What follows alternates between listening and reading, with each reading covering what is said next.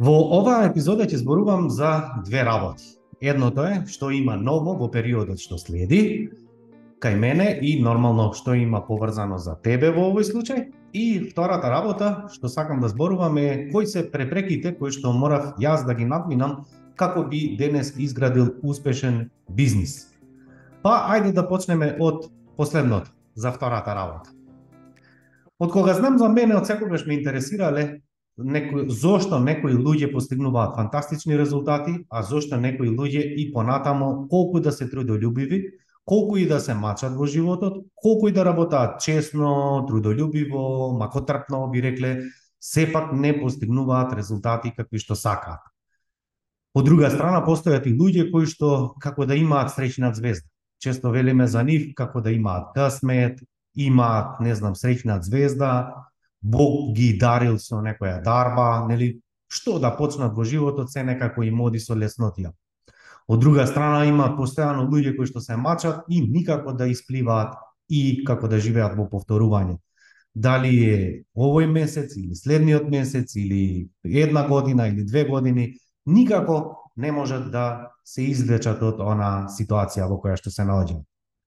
Јас спаѓам во оваа втора група која што постојано како да гради се од почеток, како да мора да започнува се од почеток, како да мора некому да се докажува, како да постојано играш не љути се човече и не знам, кој пат ќе дојде нешто до успех, кога и да треба и да помислиш дека ете ти се отвориле картите, кога и да помислиш дека аха, еве, само што тргна, мора да постои нешто што ќе те урне и ќе те врати на почетокот, а секој нов почеток е не само што е болен, не само што е досаден да поминуваш низ исти фази, не само што е досаден да се преслушуваш по стопади што ли сгреши, што ли се снаоѓа со мене, што ли се случува со мене што постојано и постојано како да сум на самиот почеток, што е тоа што постојано ме враќа назад, што не е во ред и ова е процес кој што на вистина боли.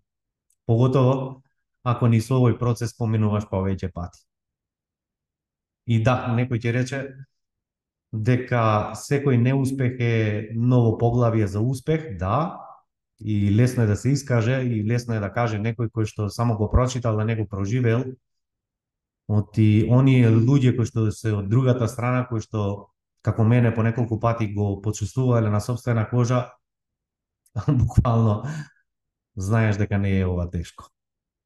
Од мали нозе, од 13 годишна возраст, некој ќе рече по случајна е, нели, случајност, поиграна случајност, нели, но живеев во град, во една градска населба и во таа населба 20 на 30 куќи, од прилика на моја генерација, некој поголеми, некој помали или повозрастни, поневозрастни, како сакаш, Нашите родители од прилика беа генерација едната иста и бидејќи луѓето беа повеќе од да кажам ете од нели од потекнуваа да кажам ајде од од од села Лето кога ќе дојдеше како сега и секогаш ме подсетува на тоа, буквално цело мало остануваше празно. Останував јас и не знам, еве, двајца, тројца максимум нека беа а другите мои луѓе, деца, врсници од генерација поминуваат цели, да кажам, распусти и летнен период кај своите ете, нели, дедовци, баби на село и тоа е супер живот, немам ништо против тоа. Но што е тоа што сам се случуваше со мене, а тоа е дека а, едноставно ми беше досадно, а, едва чекав да, да што побрзо помине овој летен распуст како би се вратил во, во живот, едноставно. На 13 годишна возраст токму а, се дружев со двајца другари, со кои што одржуваме и ден денес секако врска. И тие двајца заминаа на, на занает и двајцата на а, автомеханичарски сервис. Некако не ми се допаѓаше тоа. Ме асоцираше на масло, на прљавштина и некако не се пронаоѓа во тоа и она што беше за мене интересно е а, мојот родител, татко ми имаше пријател, сега веќе починат, кој што важеше за еден од најугледните и најдобрите а, мајстори за поправка на радио, на телевизори, на видео уред, аудио видео уреди, да кажам, нели? Костен се викаше.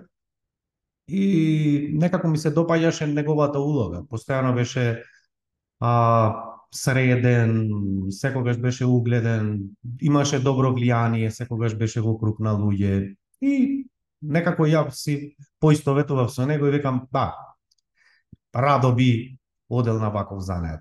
Само за подсетување, 13 годишна возраст. 9 години скоро, тамо ги поминав, да кажам, еде тие години и навистина фантастично искуство кога и ќе заврши школска, школската година, а продолжував и понатаму да учам занет и како напредував, како поминуваше се повеќе време, апсолутно ми пријаше. Ми стана доста интересно некако како напревар со сам себе, колку знаења, колку работи нови ќе научам. Бидејќи тоа беше во строгиот центар, таму имав прилика да запознам луѓе што инаку никогаш не би ги запознал. Од еднаш нови пријателства, нови луѓе, добиваш прва заработка, што е се супер, нели, само одлучуваш за своји пари, само одлучуваш што ќе купиш, како ќе купиш некои одлуки. Подоцна во средно училиште, пред училиште или после училиште, бидејќи учевме на смени, а, буквално ако сум прво смена во училиште, тогаш втора смена нели бев на занает и обратно и апсолутно бев исполнет. Тоа беа едни од првите моје да кажам, соочување со предприемништво и таму ги стекнав никогаш, значи нема да ги заборавам, првите лекции кои што ги добив, што уствари е занает, што на вистина значи организирање на еден успешен бизнис, што значи продажба, што значи набавка, што значи управување со финанси, што значи да имаш влијание на луѓе, Што значи да го исполнуваш зборот кој што ќе го дадеш? Значи, на вистина доби фантастични лекции. Она што беше за мене интересно е што од тој период па до ден денес апсолутно секогаш одлучував за сам за финансиите и постојано како да си велев мене не ми треба никој, мене не ми треба туѓа помош, се можам сам, затоа што цело средно војска, факултет полоцна Никогаш од тој ден не престанував да заработувам. Буквално скоро да и да не се сеќавам да постоеше ден, а да не заработам пари, без разлика во кој период сум бил од животот.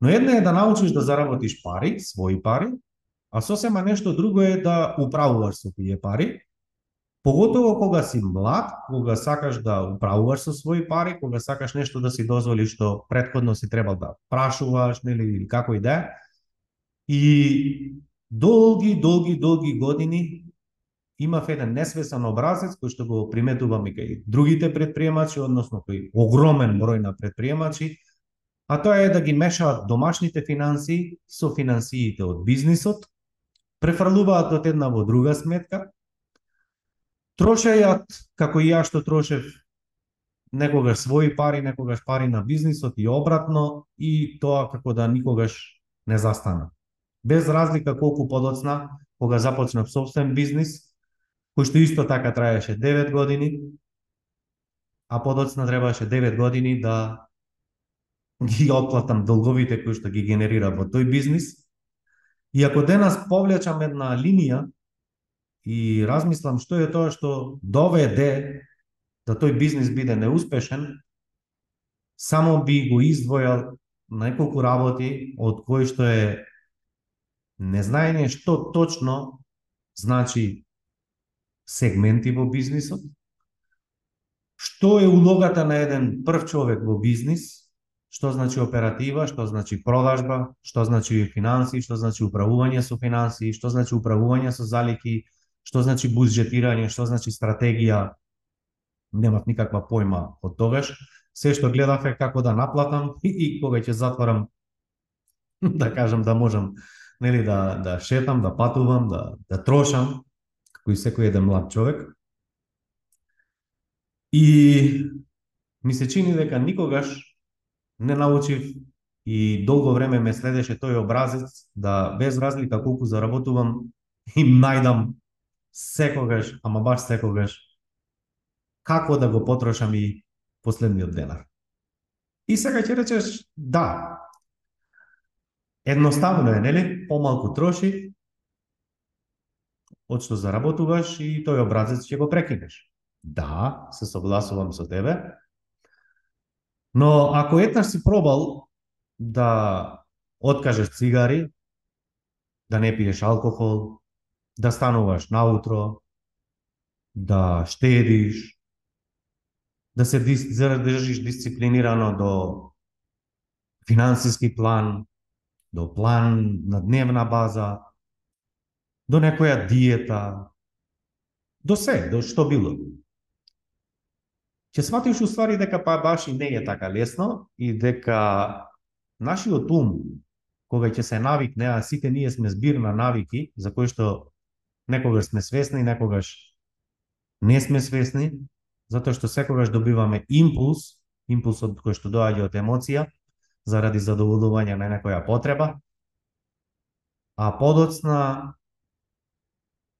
наоѓаме оправдување како тој импулс да го оправдаме дека тоа е најлогичното нешто да ги потрошиме парите, да не го исполниме планот, да не ја одржиме таа диета, да го повлечеме зборот кој што сме го дале, а тоа се вика стекнати верувања. Подоцна морав да ја затворам таа компанија и да го голтнам тоа, тоа гордост, таа гордост, и морав да се вработам. Она што постојано си го велев, а велат, пази што ќе посакаш затоа што може да ти се оствари, велев, би работал и за половина од заработката што ја имам сеја, би работал и за 500 евра ако треба, само да немам работа со луѓе.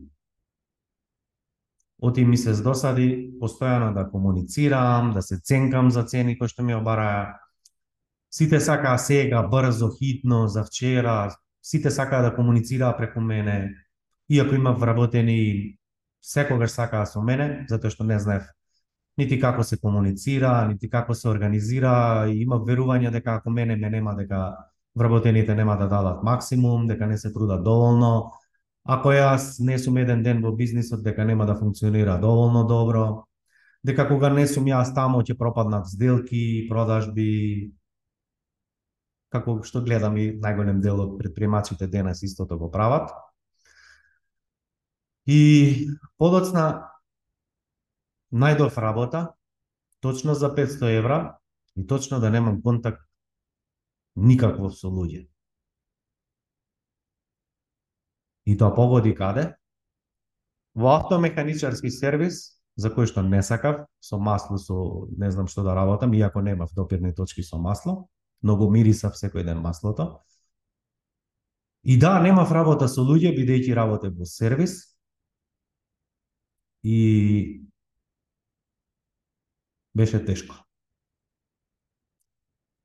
На почеток еден човек кој што толку години управува со е почитуван, го бараат, го ценат, да од еднаш биде само една бројка во работа. Тоа ми даде за амбиција и се велев, да, иако немам појма за автомобили, иако не го знам овој бизнис, но не сум случајно овде, затоа што несвесно јас го посакав ова кога сум веќе тука, која е тоа школа што јас треба да го научам. Буквално од диагностичар завршив до директор на постпродажба. Ги поминав сите скалила.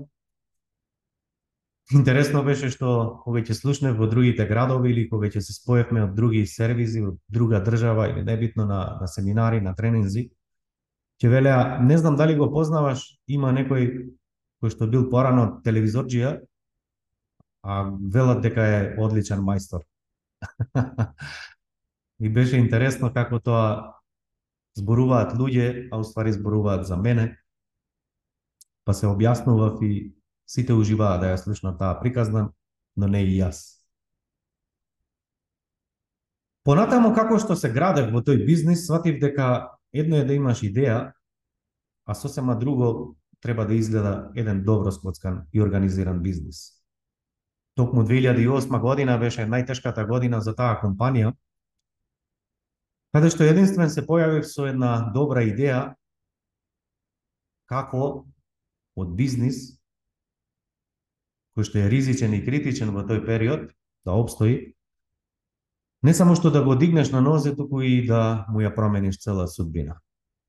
Ми ја дадоа таа доверба, ја оправдав и подоцна реков, ако ова го направи за себе, за нив, зошто не би го направил за себе и тоа е потврда за она што го велат, а и мојот ментор го велеше, еднаш предприемач, секогаш предприемач. Тогаш имав само една луда идеја, малку знаење, воопшто искуство и токму затоа решив дека мора да најдам решение и тогаш почнав да запишувам буквално да ги следам сите обуки кои што многу малку ги имаше достапно во тој период, не е како денес. И запишав Белгијска академија и за коучинг, и за консал, и за бизнис. Тоа се првите почетоци за, за соработка конкретно со ментор. И кога едно учиш и веднаш применуваш, имаш поддршка и тоа е неминовно води кон успех.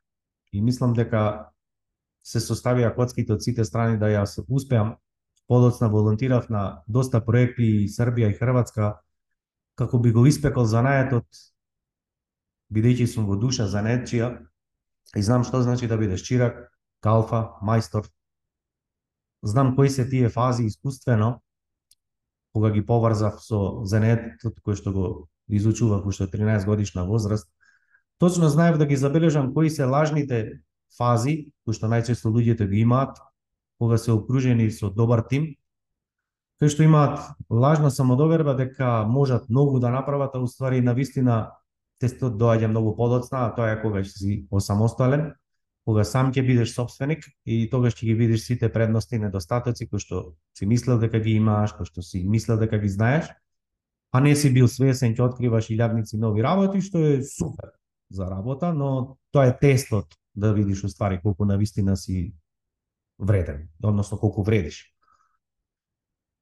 Така да сватив дека уствари јас колку повеќе работев со мојот ментор Драшко, дека некако природно ме привлекува едно што носев терет за пропаднат бизнис, второ охрабрен од ситуацијата која што има во компанијата каде што работав, и свелев колку уствари бизниси ја имаат, ја делат мојата судбина, кои што не знаат како да го организираат својот бизнис, како да ангажираат луѓе, како да им го извадат максимумот од нив, како да планираат, како да размислуваат стратешки, како да ги постават тие луѓе, како да обезбедат финанси за сите нив и за проектите и за се останато, нели што го сочинува еден бизнис. А при тоа и да бидеш и сопруг, и родител, и другар, и пријател, и за жал најчесто нели во период на криза, како што знаеме, доаѓаме од Тетово, сите добро ги знаете и војните, и протестите, како секоја улица, секоја година се копа, де евана, де, де водовод, де, значи немаш мир едноставно да функционираш од сите упади, покрај собствените проблеми мора да решаваш и проблеми за кои што никогаш не си ни ставил на глава.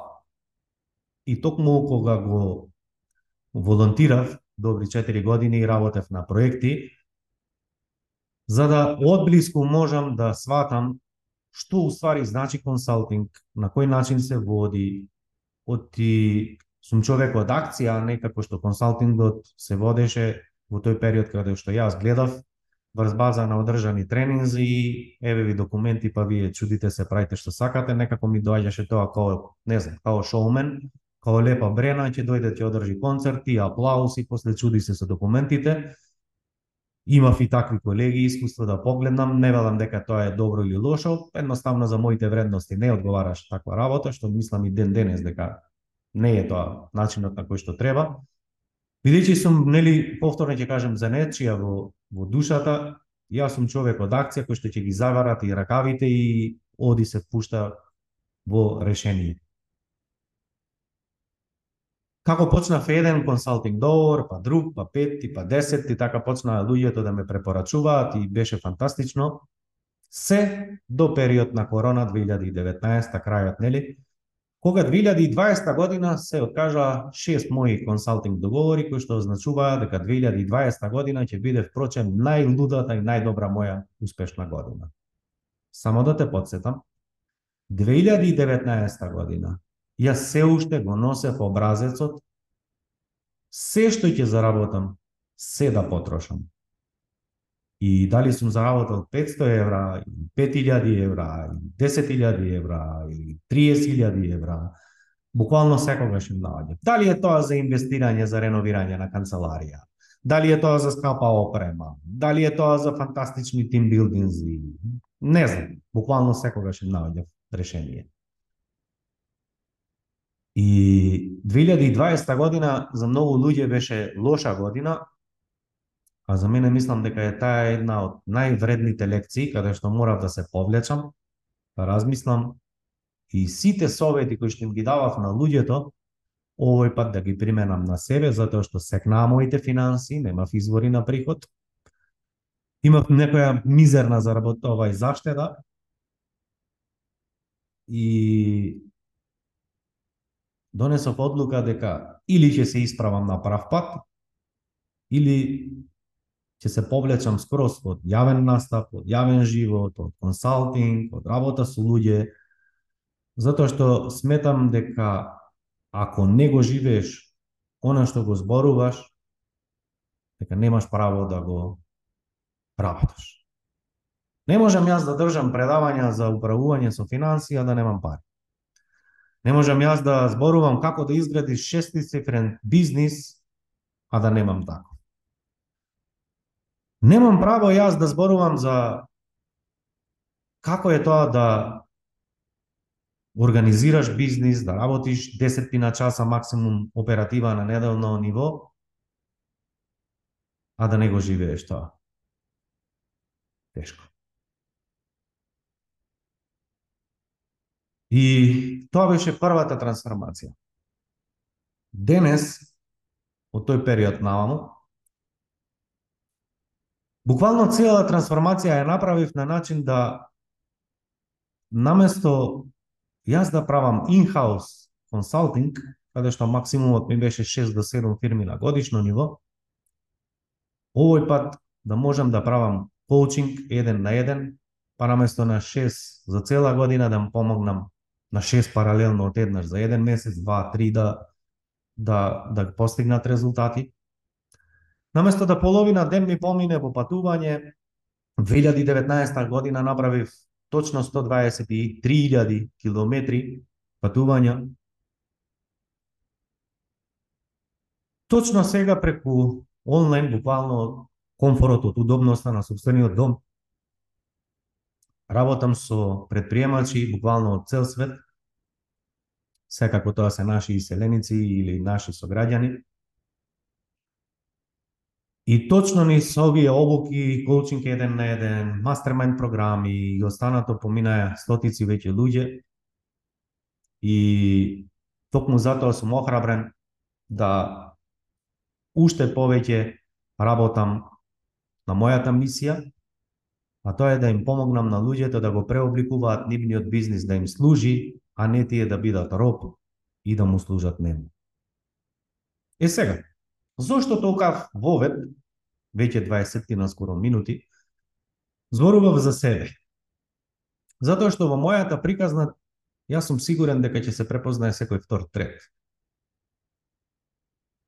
Затоа што еден образец кој што носиме, јас можам се сам, мене не ми треба никој, како ја што можам да направам, никој не може, ако му дадам на друг нешто ќе сгреши, ако ме нема мене во бизнисот, некој ќе мора да да сгреши или ќе ме избрука, ќе ме осрами, се борам сам, не им верувај на луѓето. Се се тоа несвесни образци кои што ги носиме од детството и не велам дека тока нашите родители, дедовци, баби, дека се лоши, се, јас сум родител, сите ние ги нели, негуваме и ги растеме нашите деца најдобро што знаеме, И тоа не е причина затоа што ние ги добиваме нашите верувања токму од луѓето кои што највеќе не сакаат, нели, а ги пренесуваме на оние луѓе кои што највеќе ги сакаме. И тоа е нормален циклус. Но поентата е да не глумиме жртва и да ги обвинуваме дека тие се причината за нашиот неуспех, туку да превземеме 100% одговорност дека местото каде што сме во моментот е најдоброто и најбезбедно наше место, дека сите ресурси кои што ги имаме во овој момент се 100% под наша надлежност, дека имаме буквално се што ни е потребно за да успееме не само во бизнисот, туку и во животот, но едноставно поради фокусот на секојдневните обврски, гасење поражари, трчање, телефонски јавување, трошење време по непотребно, по кафиќи, по телевизија, по скролање, по мејлови, по, по, по сите работи оние, нели, луѓето ни одземаат внимание, телефони или чуда, едноставно не живееме во сегашен момент и само ги пропуштаме секој ден приликите да видиме дека уствари ние не го живееме животот, не управуваме нити со нашиот бизнис, нити со нашиот живот, туку околностите управуваат со нас. И токму ова го забележувам кај најголем дел од предприемачите, со кои што имав прилика да соработувам, или да ги одбегнам луѓето кои што имаат премногу верувања и гледам дека едноставно не превземаат 100% од одговорност, а ако човек нема 100% од одговорност, секогаш има можност или отворена врата да најде оправдување, дека нема време, дека тој не е виновен, дека луѓето се виновни за ситуацијата како и да е. И ги забележувам сите верувања и токму затоа сега ќе зборувам за вториот дел, каде што направив еден фантастичен програм и мислам дека тоа е есенција, буквално како простор каде што така се вели и самиот програм Земи залет, каде што најпрво треба да се вратиме на назад, да претресеме се живо што имаме во нашата црна кутија, а тоа е нашата подсвест, и сите ние знаеме кога ќе се случи авионска несреќа, дека најпрво ја бараат црната кутија, а подоцна и преживеаните. Знам дека звучи сурово, Но свесно им е се компаниите дека осигурителните компании ќе ги превземат своите работи за исплата на штетите и на луѓето и на материјалните добра. А нив како компанија највеќе ги интересира како нареден пат да патуваат патниците безболно, да нема негативна порака во медиумите, да не се, нели, оцарни нивниот бренд и да излет да увидат што е тоа што довело до падот на тој авион, до таа несреќа, како би ги пронашле причините за нареден пат да не се случи. И денес, што денес ние патуваме безбедно и авионскиот сообраќај важи за најбезбедниот начин на превоз е токму заради сериозноста за пристапот на овој начин. Во секој еден од нас имаме ние, сите ние имаме црна кутија. Во таа црна кутија се наоѓаат сите одлуки кои што сме ги донеле, а не сме ги направиле. И зошто? Тука се сите причини зошто ние не буџетираме, Зошто одиме на продажни разговори за кои што знаеме дека нема да ги затвориме? Зошто премногу зборуваме на продажен разговор кога всушност треба да молчиме? Зошто не поставуваме прашања кои што треба да ги поставиме, знаеме дека треба да ги поставиме. Имаме интуиција, имаме индикација, имаме чувство дека не води овој разговор во насока на кој што сакаме, а сепак продолжуваме. И кога луѓето ни викаат, ќе ти дадам, ба, прати ми понуда, доколку работиш, дај ми време да размислам, ќе те барам, а ти знаеш дека ова никогаш не се случува и дека ова е само момент кога ќе те откачи. Знаеш дека не е така а едноставно не комуницираш јасно, кога примаш некој вработен, гледаш дека не го бива за курац, а едноставно премолчуваш или си заслепен од емоцијата да побарго го затвориш проблемот и се надеваш дека ќе биде како што треба, подоцна го примаш тој човек, иако длабоко во себе си знаел дека не му е место во твојата компанија и по некое време гледаш дека ти создал повеќе проблеми од што си имал и си викаш знаев нешто ми велеше, уште на сам почеток знаев требаше. Тоа е момент каде што твојата црна кутија управува, односно во неа се наоѓаат сите одговори, кога немаш храброст да покачиш цени, затоа што се плашиш да не изгубиш некој клиент, а во продажбата гласи едно правило дека не можеш да изгубиш она што го немаш, тоа го работиме на мастермајнд програмите. Но самодовербата, представата, сликата која што имаме за себе, храброста, доведува да ние едноставно не сме тоа што сме, го игнорираме внатрешниот глас кој што ни вели не, немој да постапуваш вака, оди на следен чекор. Е, допри го разговорот, гледаш дека не вреди. е не го примај овој човек, знаеш дека ќе имаш проблем. Е, немој да соработуваш со овој клиент, знаеш дека нема да дека ќе имаш проблем. Но ние ги игнорираме. Е, токму ова истото се случува и на мастермайн програмите, кои што ги држам, низ кои што помина фантастични луѓе, за кои што и јас сум им благодарен, бидејќи не само што тие учат од мене, туку и јас учам од нив,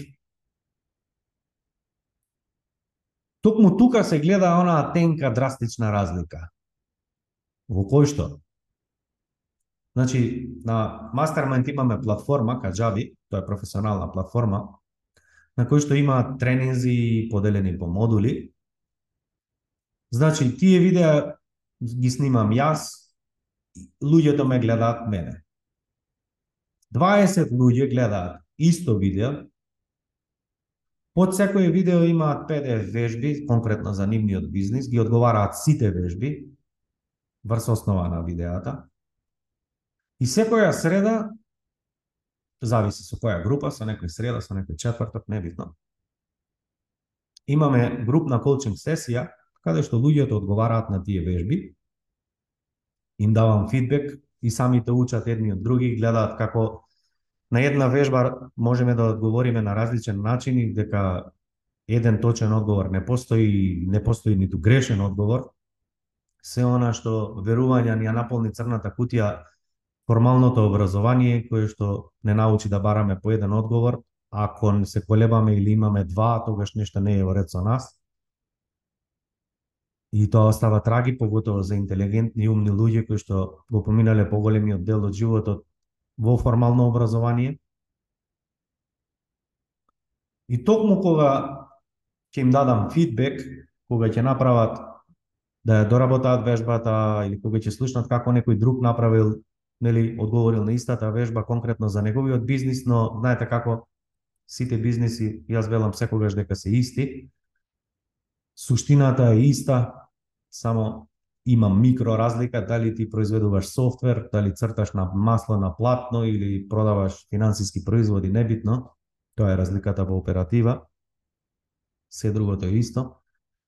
Токму кога слушаш еден, добиваш идеја, еј, па може ли јас ваката, еј, колку добро, не ми текна и ова, и тоа, и ова, и луѓето добиваат фантастични аха моменти, ќе ги направат вежбите лудило, и секој еден тренинг го завршуваме на што ќе се фокусираме следната недела, како би знал јас кои активности ќе ги превземаат, ако насетам некој предизвик да им помогнам.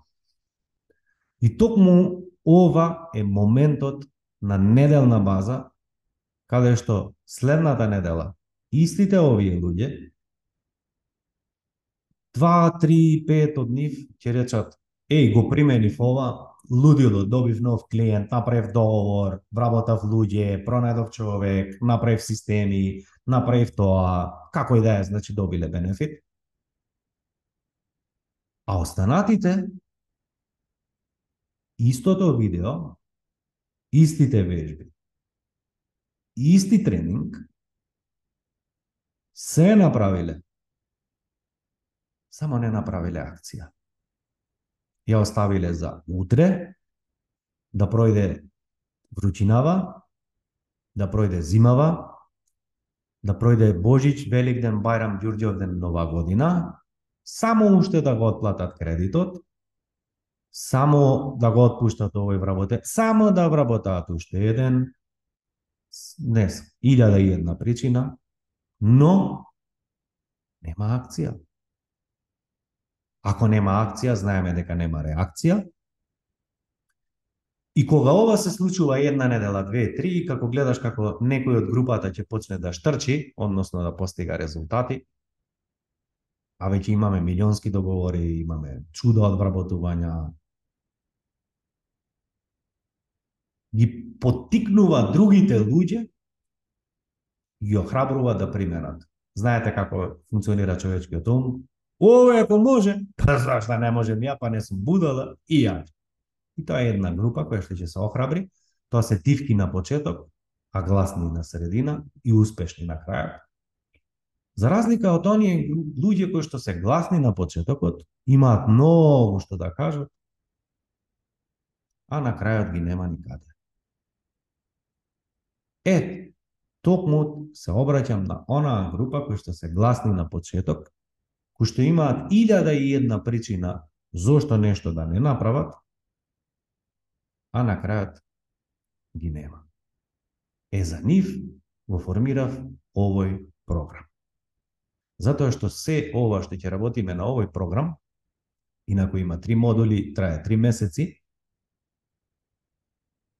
е есенција буквално на сите можни моментално достапни техники, за да видиш и се претресеш и ја претресеш твојата цела црна кутија, да ја извадиме тука на маса и да ја претресеме цела, штрафче до штрафче, и да ја составиме твојата слика. И кога некој ќе рече работа на себе, јас работам на себе. Како? Читам книги, гледам видеа. Тоа не е работа на себе. Тоа е оправдување дека нешто работиш, а тоа е верување кое што го имаме од детство, кај што се штитиме во фаза на повлекување, да некој не не обвинува, да не ни наоѓа работа, дека се е во ред со нас. Добро, мало. Е токму во таа црна кутија која ќе ја претресеме, излегуваат сите верувања кои потреби ги задоволуваш? Зошто носиш храбри одлуки, а подоцна те нема никаде? Зошто даваш ветувања, а после те нема нигде? Зошто пролонгираш? Зошто одолговлекуваш задачи?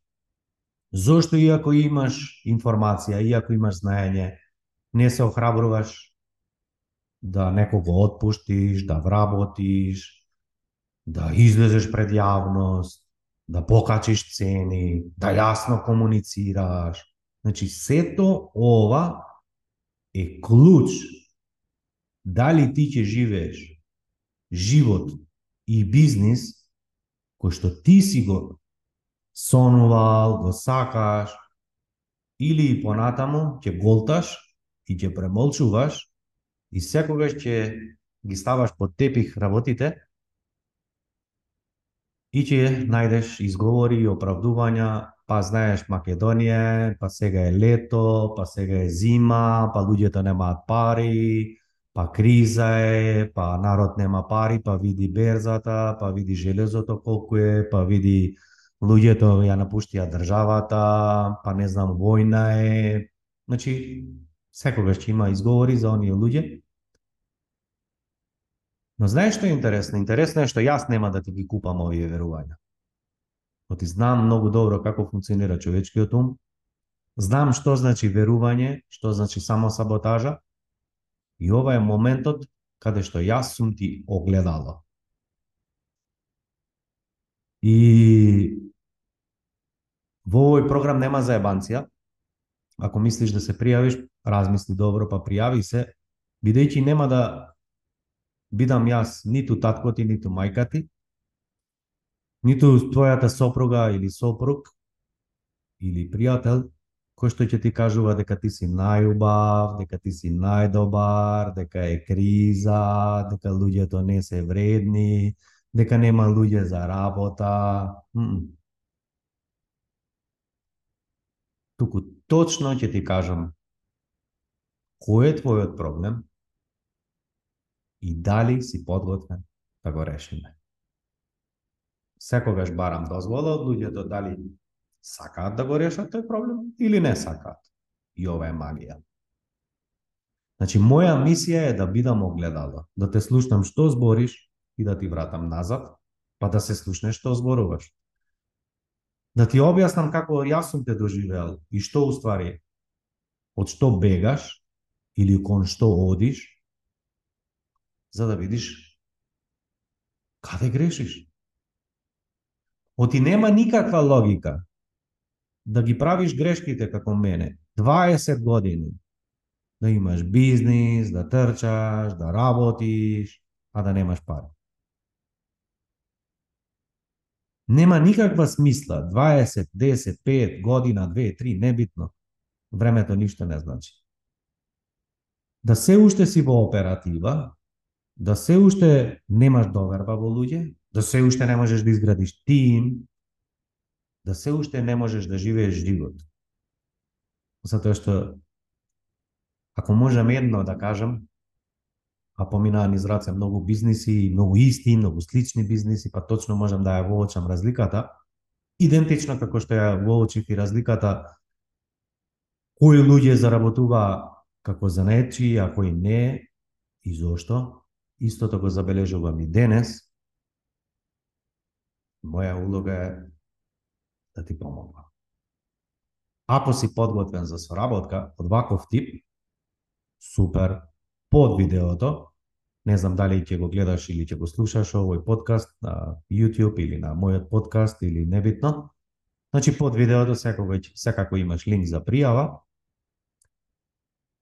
И ако си подготвен да превземеш 100% одговорност за својот бизнис, за својот живот, меѓутоа и да активно се фокусираш на решавање, отворена ти е вратата, како што им отвори вратата и на повеќе од 67 предприемачи за консалтинг, повеќе од 2000 луѓе кои што поминаа низ моите тренинзи, обуки, семинари, небитно. И сега повеќе од 20 луѓе кои што поминаа низ мастермајнд, првиот дел, делот со нив продолживме и уште ден денес соработуваме на уште понапредни нивоа. И се надевам дека ова видео ќе ти послужи или аудио како сакаш, малку да седнеш и да размислиш кој е уствари причината што нашиот бизнис стагнира. Ти благодарам што одвои време да ме слушаш на овој подкаст. Доколку сакаш да соработуваш со мене, најдоброто место е да се информираш за актуелните понуди е www.aleksandarkochovski.com и секако немој да заборавиш да се претплатиш на мојот ньюслетер, каде што исто споделувам бесплатни информации и навремено ќе дознаеш за сите бесплатни онлайн тренинзи.